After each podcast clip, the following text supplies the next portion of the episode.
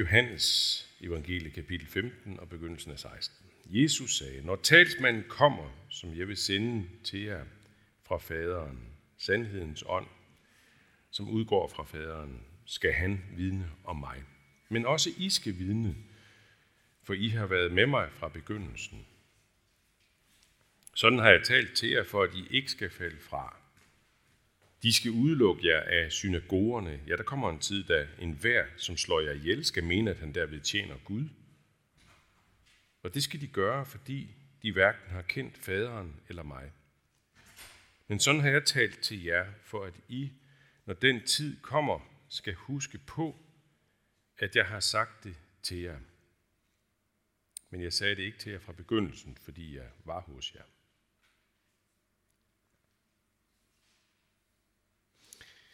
Her står jeg og kan ikke andet. Det, det har vi sat på som tema til i dag, og nogle af ved muligvis, at det er et citat, som tillægges Martin Luther.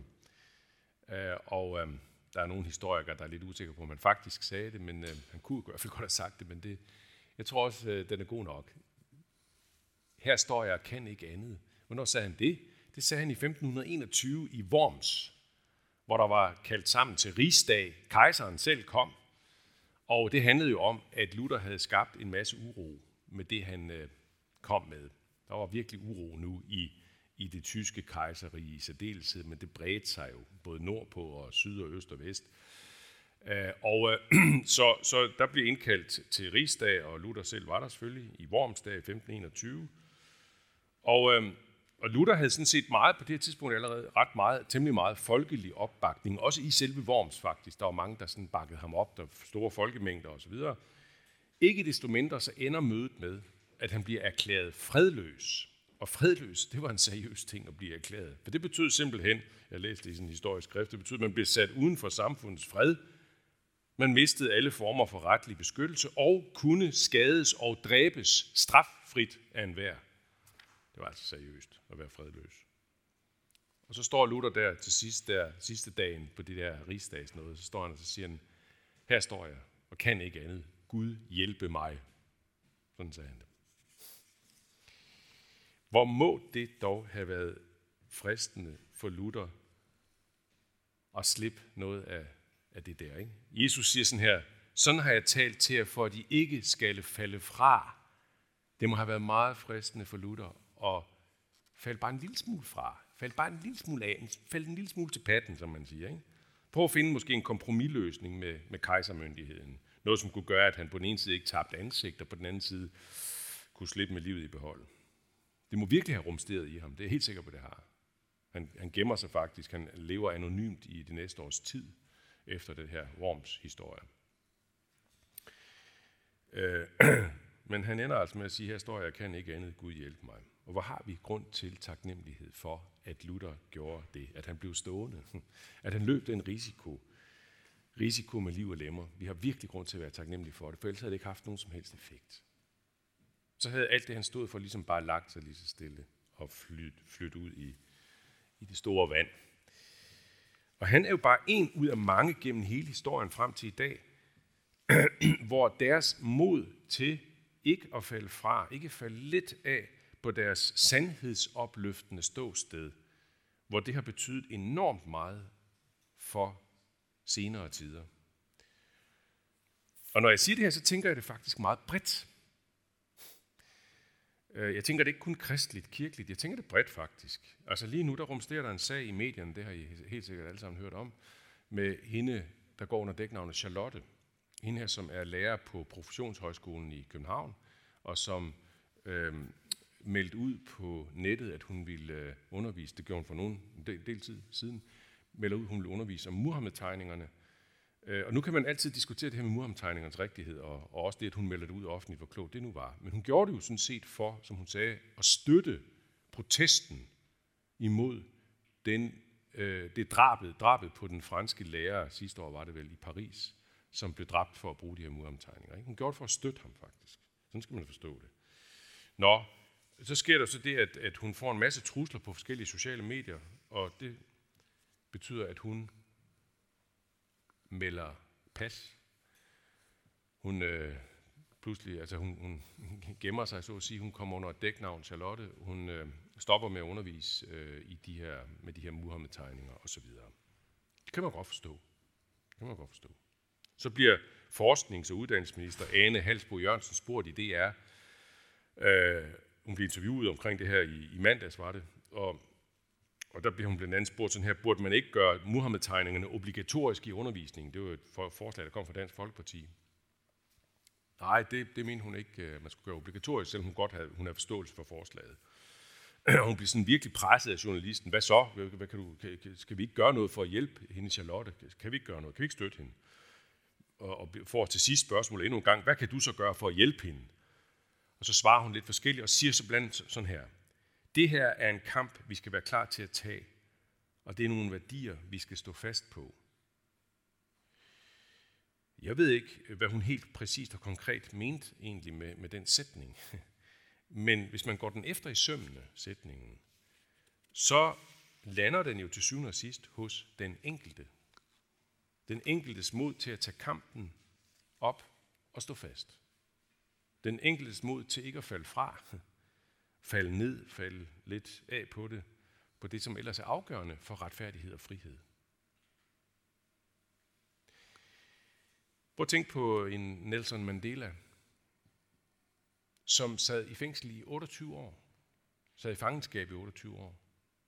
Hvilken enorm betydning det havde, at han offrede sig på den måde. 28 år, det er ret lang tid, ikke? At sidde i et lukket liv. Men det fik en enorm indflydelse. Det, det, det skabte et totalt skifte i Sydafrika. Så kan man godt græde lidt over, at tingene er senere hen er ikke, er ikke så gode længere måske i Sydafrika, men, men, men det, det skabte et stort skifte. Eller jeg tænker på Navalny, ham der russeren. Han valgte det her mærkelige at vende tilbage til Rusland. Han stod i en situation, hvor han kunne bare valgte at blive udenlands og sikrede sig og sin familie. Ikke? Han vender tilbage til Rusland. Hvorfor i verden gjorde han det? Alle vidste jo. Alle vidste, at han ville ryge i fængsel. Han vidste det helt sikkert også selv. Der kan være forskellige forklaringer på det, men øh, en af forklaringerne er, at han har gjort det, fordi han så det som den eneste vej til en mulig ændring af retfærdigheden og friheden i det russiske samfund. Selvom det for ham temmelig sandsynligt bliver endestationen, og måske ikke har nogen effekt her og nu. Måske slet ikke har nogen effekt her og nu. Eller Kai Munk, som blev skudt i januar 44, og som var utrolig frimodig i sin offentlige fremtræden omkring Nazi-Tyskland og alt det her. Som, som, som kunne sige sådan her, aldrig, aldrig spørge, om det nytter, men om det er sandt. Han var en af de vigtigste årsager til, og hans død, hans død i særdeleshed var en af de vigtigste årsager til, at det ellers meget nazi-samarbejdsvillige Danmark blev til syvende og sidst anerkendt som en del af de allierede. Kai Munk var en af de væsentlige årsager til det, plus andre ting også. Og så kunne jeg bare fortsætte med at nævne øh, navn, det skal jeg ikke gøre. Jeg kan også i og for sig, ja, dem kan jeg jo ikke nævne, de anonyme, men jeg kan sige, at der er et hav af anonyme navne op igennem hele historien, som har kæmpet for det gode, det sande og det retfærdige, og, og har sat, sat alt ind på det, offret sig selv for det faktisk. Og det har haft enorm betydning for få eller mange mennesker. Så det modsatte af frafald, det er noget meget livsopløftende, meget livsfremmende. Nemlig viljen til at stå ved sandheden, koste hvad det koste vil. Jeg ved ikke, hvordan I har det, når I hører ordet frafald. Men der kan, jeg forestiller mig, at man kan have et lidt ambivalent forhold til det, når man hører Jesus sige det her. I må ikke falde fra. Og grund til, at man kan have et ambivalent forhold til det, det er måske særligt, hvis man kommer fra et, en tydelig kristen baggrund. Øh, der, der kan det have spillet, der kan, der kan der have været sådan i den her opvækst. Jeg siger ikke, det har været sådan, det kan have været sådan, at der hele tiden har været sådan en usikkerhed eller nervøsitet på en måde, øh, for at man ikke skulle falde fra. Det har ligesom medført et kristenliv, som hele tiden går på nåle, går på en knivsæg, hele tiden skal man passe på til den ene og den anden side. Hele tiden er man i fare, jeg går i fare, hvor jeg går. Altså, man må ikke falde fra. Jeg var jo præst nede ved de stærke jyder dernede i Hedenstedområdet, Løsning. Og øh, det var ganske vist for så vidt en meget uddøde generation, men alligevel, der, der var sådan rester af det, og jeg, i hvert fald blev jeg lukket ind i det, der havde været. Ikke? Og, og der var der rigtig meget af den her, ikke hos alle, men der var det rigtig meget af den her, vi går på en knivsæk, vi skal passe så meget på. Jeg var præst i Nordnorge, der var der læstadianerne, som de hed.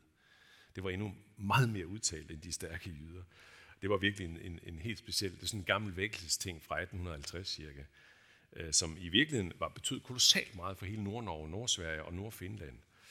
Øh, men, men hvor jeg også oplevede, og det var meget levende stadigvæk, de havde et stort samfund deroppe, stort hus, de mødtes i hver søndag, og jeg var dernede en gang imellem.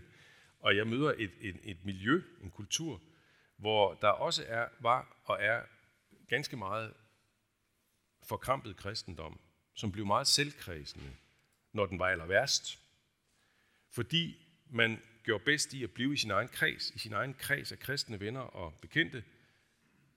Man gjorde klogest i at blive bare der i menighedens sammenhæng, og ikke våge så meget ud i verden, ikke blive for meget venner med verdens børn. Men det er jo ikke det, Jesus siger. Det er jo ikke det, han siger om advarslen mod frafald. Det er ikke det, han siger. Han udfordrer og opmuntrer tværtimod til at stå ved det, man står for, åbent og ligefremt i det almindelige samfundsfællesskab, i det almindelige nabofællesskab, i det almindelige familiefællesskab, i det almindelige arbejdsfællesskab og studiefællesskab. Uanset at mennesker i de fællesskaber, nogle mennesker kunne finde på at presse en, skubbe en lidt ud i periferien, eller fratage en taleretten, eller hvordan man nu skal udtrykke det. Eller som Mette Frederiksen gentog det her for nylig på sin Facebook-side. Hvis demokratiet og Gud står i et modsætningsforhold, så må Gud vige.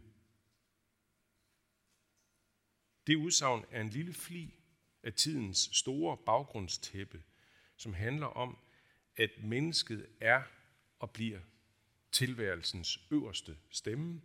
Ingen over, ingen ved siden af. Man kan også kalde det med et udtryk, som jeg læste for nylig, kalde det en del af den viskende karikatur. Den viskende karikatur. Det begreb det kommer fra Michael Horowitz, en øh, politisk højt placeret jurist i USA, som er ortodox jøde. Han har opfordret kristne meget kraftigt til at besinde sig på deres gode arv og ikke lade sig styre af den viskende karikatur, som man kalder det, i det sekulære samfund, som stempler kristendommen som skadelig for den enkelte og for nationen. Og nu skal I høre et citat fra ham. Han siger sådan her, De kristne har lavet sig lamme fuldstændig af de skinhellige, der siger, det var jer, der startede korstogene, så bland jeg nu udenom, før I starter flere krige.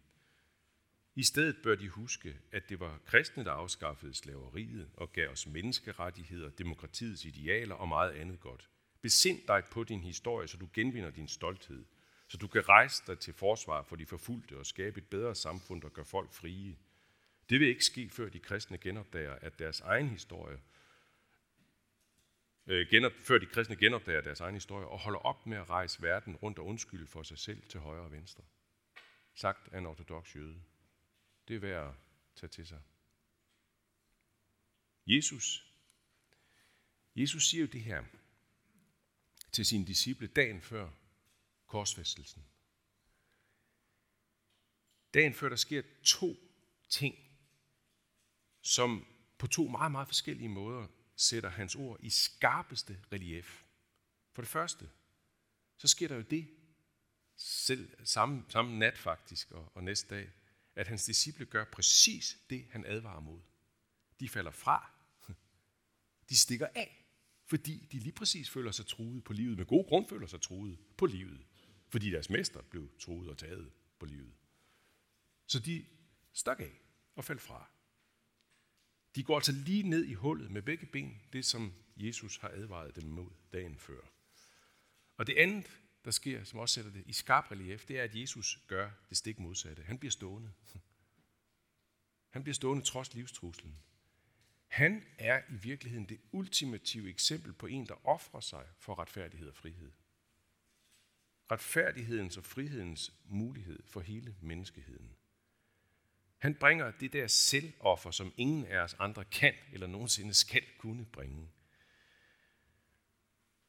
Og, øh, og der sker endda også det, som Jesus også siger til os i dag. Det, det præcis det sker nemlig, at der er nogen, der mener, at de tjener Gud, når de slår ham ihjel. Det gjorde de. De korsfæstede ham, og de tænkte, vi tjener Gud. Det gør vi. Men i virkeligheden så tjente de Guds fjendskheden. De tjente fjendskabet med det gode liv, det sande og det retfærdige, det kærlige. De tjente ondskabens fyrste, Satan selv, ved at hænge ham på korset. Og dog, på en helt paradoxal måde, endte det med, at de alligevel tjente Gud, da de hang ham på korset. Fordi offringen af Kristus blev det sidste og ultimative offer til Gud, som Gud selv bragte. Slut med alle ofre. Slut med enhver idé om, at et offer til Gud eller til guder kan holde Guds relation nogenlunde i balance. Alt godt og bærende i relationen til Gud kommer fra Gud selv. Det, som vi samler i et stort vidunderligt skønt ord, nåden. Nåde være med jer og fred fra Gud, vores far og Herren Jesus Kristus, som min gode kollega Daniel altid starter gudstjenesten så smukt med. Jeg har nogle gange overvejet, om ikke jeg også skulle bare kopiere det. Det er sådan en fin start. Noget være med jer. Så kommer vi altså ind her til gudstjenesten i bykirken og bliver mødt af det som det allerførste. Nåden før alt andet. Nåden for vores svigt. Nåden for vores fornægtelser. Nåden for vores små frafald. Som disciplene, da de mødte den opstandende Jesus Kristus, hvad er det første, han siger til dem? Ja, hvis vi går nogle kapitler længere hen i Johannes evangeliet, det første, han siger, det er, fred være med jer. Og da han havde sagt det, viste han dem sine hænder og sin side. Fred være med jer. Sårene, nåden, nådestegnet. Og de blev genoptaget i nådesfællesskabet, de som havde svigtet ham og faldet fra. Og det bliver du og jeg også her. Og så sender han os afsted med nogle meget stærke ord. Fald ikke fra. Fald ikke fra. Stå fast, bliv stående. Du kan godt, for Gud vil hjælpe dig. Lov, tak og evig ære være dig, vor Gud, Far, Søn og Helligånd, som var, er og bliver en sand treenig Gud, højlået fra første begyndelse, nu og i al evighed. Amen. Så vil vi sammen sige forsagelsen og bekende troen. Vi forsager djævlen og alle hans gerninger og alt hans væsen. Vi tror på Gud Fader, den almægtige, himlens og jordens skaber. Vi tror på Jesus Kristus, hans enborne søn, vor Herre, som er undfanget ved Helligånden, født af Jomfru Maria, pint under Pontius Pilatus, korsfæstet, død og begravet, nedfaret til dødsriget, på tredje dag opstanden fra de døde, opfaret til himmels, siddende ved Gud Faders, den almægtiges højre hånd, hvorfra han skal komme at dømme levende og døde. Vi tror på Helligånden, den hellige almindelige kirke, de hellige samfund, søndernes forladelse, kødets opstandelse og det evige liv. Amen. Og lad os med apostelord en tilønske hinanden, også tilskynde måske.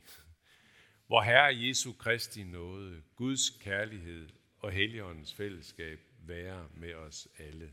Amen.